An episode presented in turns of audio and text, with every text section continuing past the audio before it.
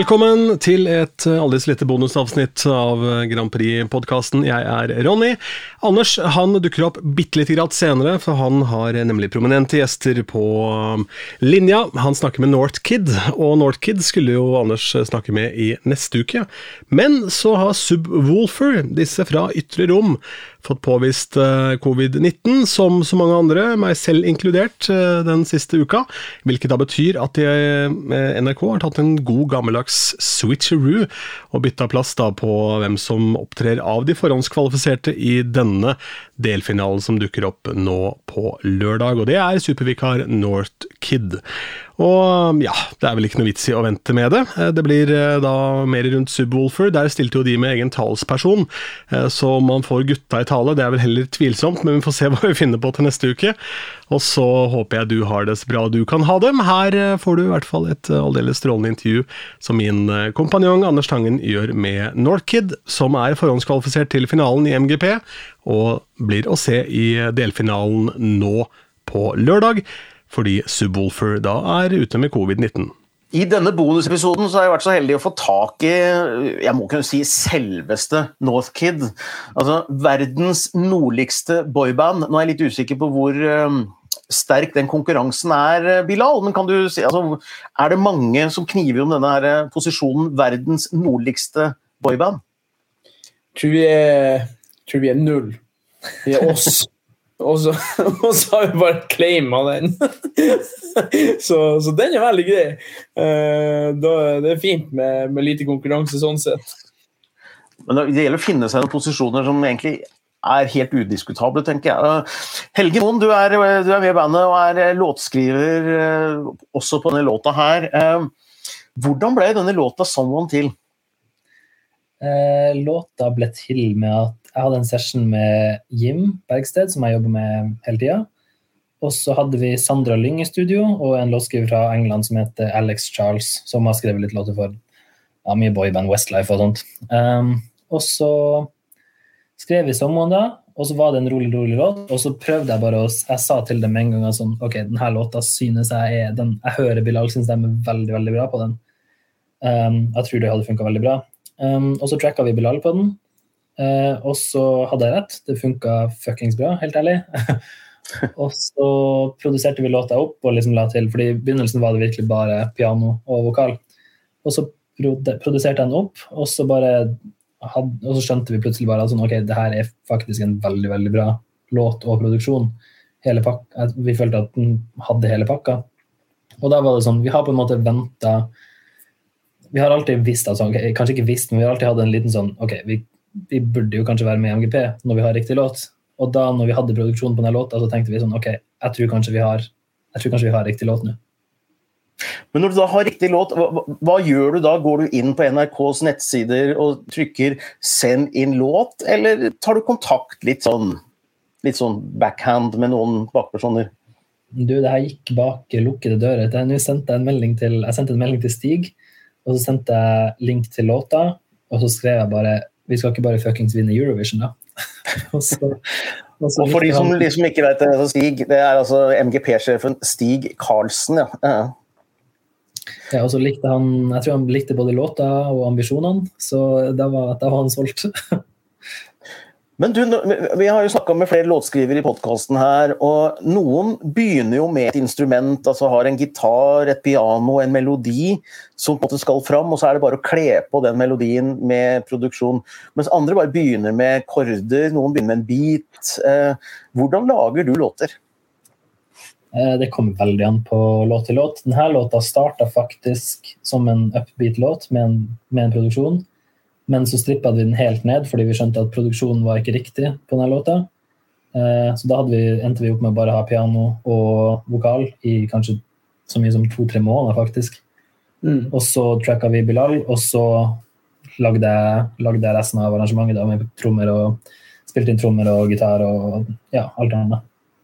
Mm. Bilal, eh, hvordan var det for deg å høre denne låta første gang? Jeg husker det veldig godt, fordi at eh, Uh, han sendte melding på gruppechatten vår på Facebook og sa han sånn Jeg har vært i session i dag, og vi skrev en jævlig bra låt. Og så sendte han den. Så sendte jeg sånn her faen, den var kul.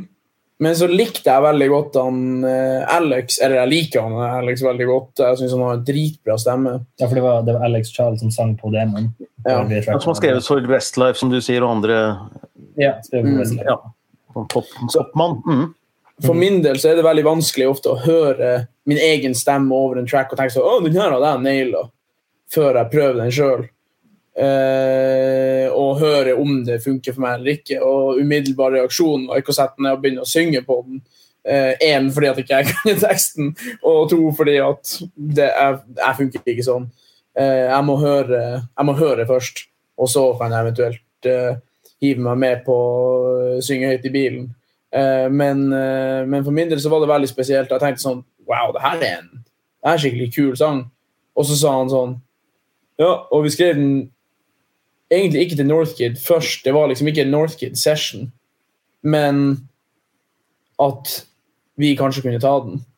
Og sånn, ok, og så begynte jeg å se litt for meg og, og, og føle litt på det. Og, og eh, jeg for min del jeg likte veldig godt Alex versjon. Eh, og han gjorde det enda litt mer altså Åpenbart, det var jo bare piano og vokal, så det var jo enda mer nedstrippa. Og vi blir nok å gjøre en sånn type versjon etter hvert.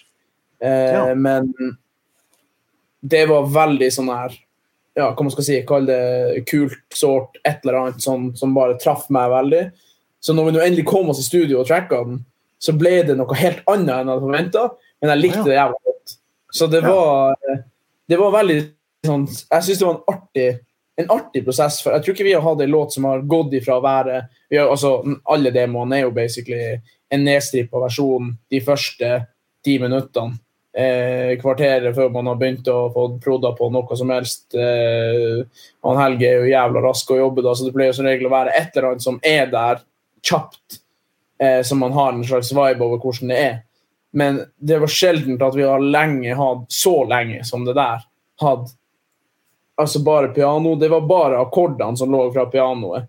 Helt stødig, fire flate, liksom bare vanlige stabs på absolutt alle akkordene, alle slagene. Og det og vokal, og det var det eneste. Så det var veldig spesielt å få, å få liksom et helhetlig inntrykk av det. da.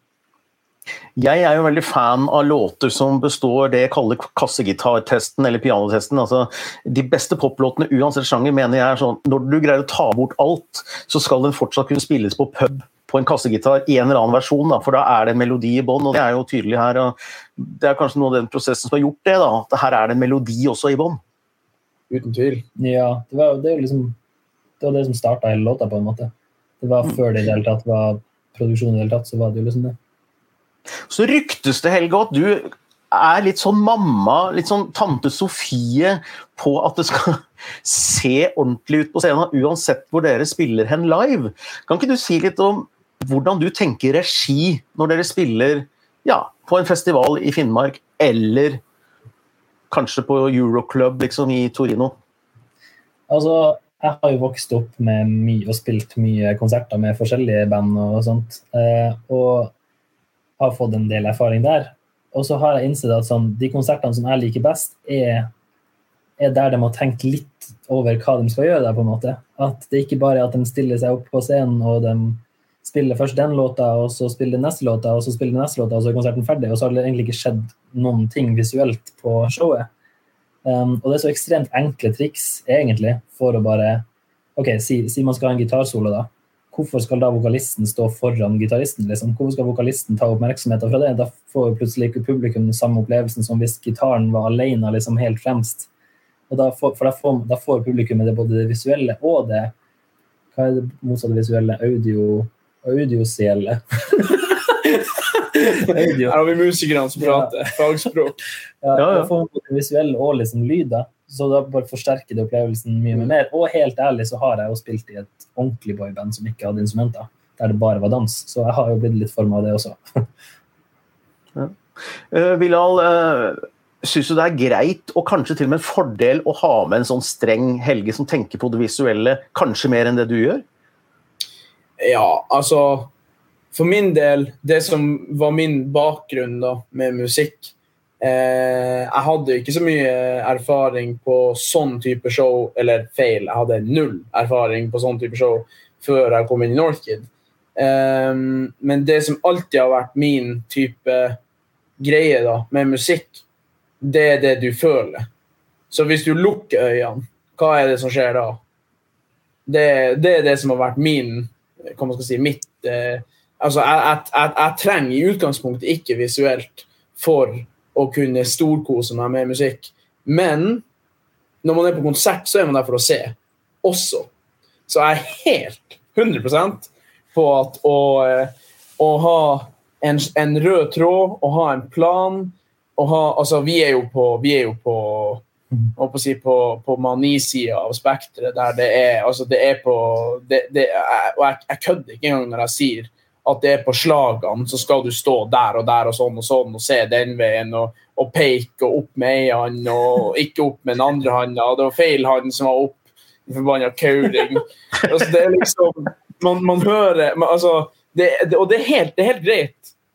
I, I, de greiene så er jeg helt med, fordi at det gagner oss bare.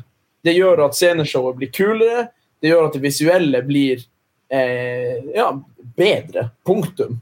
så det så, og, og da, da, er jeg helt med på det. Og eh, Det er ikke alltid jeg har vært helt med på dance movesene. Og, og eh, han har jo jævla artig For han, han Helge spesielt, som er liksom tenker veldig mye over eh, sceneshowene, han har veldig mange av ideene. Og han har veldig ofte sånne her eh, humoristiske, litt eh, kanskje litt uh, humoristisk fordi de er kleine uh, moments. Og jeg er jo Altså, jeg hater å utsette meg sjøl for ting som jeg syns er kleint. så, så uh, det er ikke alltid jeg er enig i det, men jeg er med på det aller meste ut av det greiene der. Nå kjente jeg at jeg fikk enda større forventninger til sceneshowet i NGP. Dere er jo direkte kvalifisert til finalen eh, til slutt. Uh, hvilke kvaliteter ved denne låta er det som gjør at denne kan vinne MGP? Jeg tror bare er en overall det er, sånn, det er, en sånn, låt som veldig veldig mange, som åpenbart for oss da, Vi har aldri, vi har aldri fått denne responsen på en låt før. Og det er en låt som treffer veldig veldig mange, fordi selv om man altså Teksten er jo veldig spesifikk. Har du vært eller dro du til Berlin? og veldig veldig spesifikk sånn sett. Men så er det fortsatt noe med den låta som bare gjør at man får hjertesorg for hva som helst. Jeg, fikk, jeg får litt hjertesorg for en jente som dumpa meg i fjerde klasse. Som jeg virkelig ikke, virkelig ikke bryr meg om nå helt, altså Jo, ok, veldig glad i henne, men altså sånn, jeg har jo ikke noe sånn, sånn Man får, man får bare litt vondt i hjertet av den låta, fordi det er, sånn, det er så fin melodi, og det er så sårt. Det er bare så ekstremt emosjonelt 90-talls boyband over, over hele låta. Jeg tenker, det jeg tenker er det positive med den, er at den, altså det, det, er akkurat det han Helge sier med at det er en veldig lett relaterbar låt. Eh, alle sammen har vært igjennom og sitter igjen med spørsmål. Fordi når man skiller veier, så, så er man åpenbart ikke i kontakt eh, nødvendigvis så mye som man har vært eh, med hverandre lenger. Og da er det spørsmål du lurer på. Eh, som hvor har du vært, har du det bra? Liksom de normale tingene.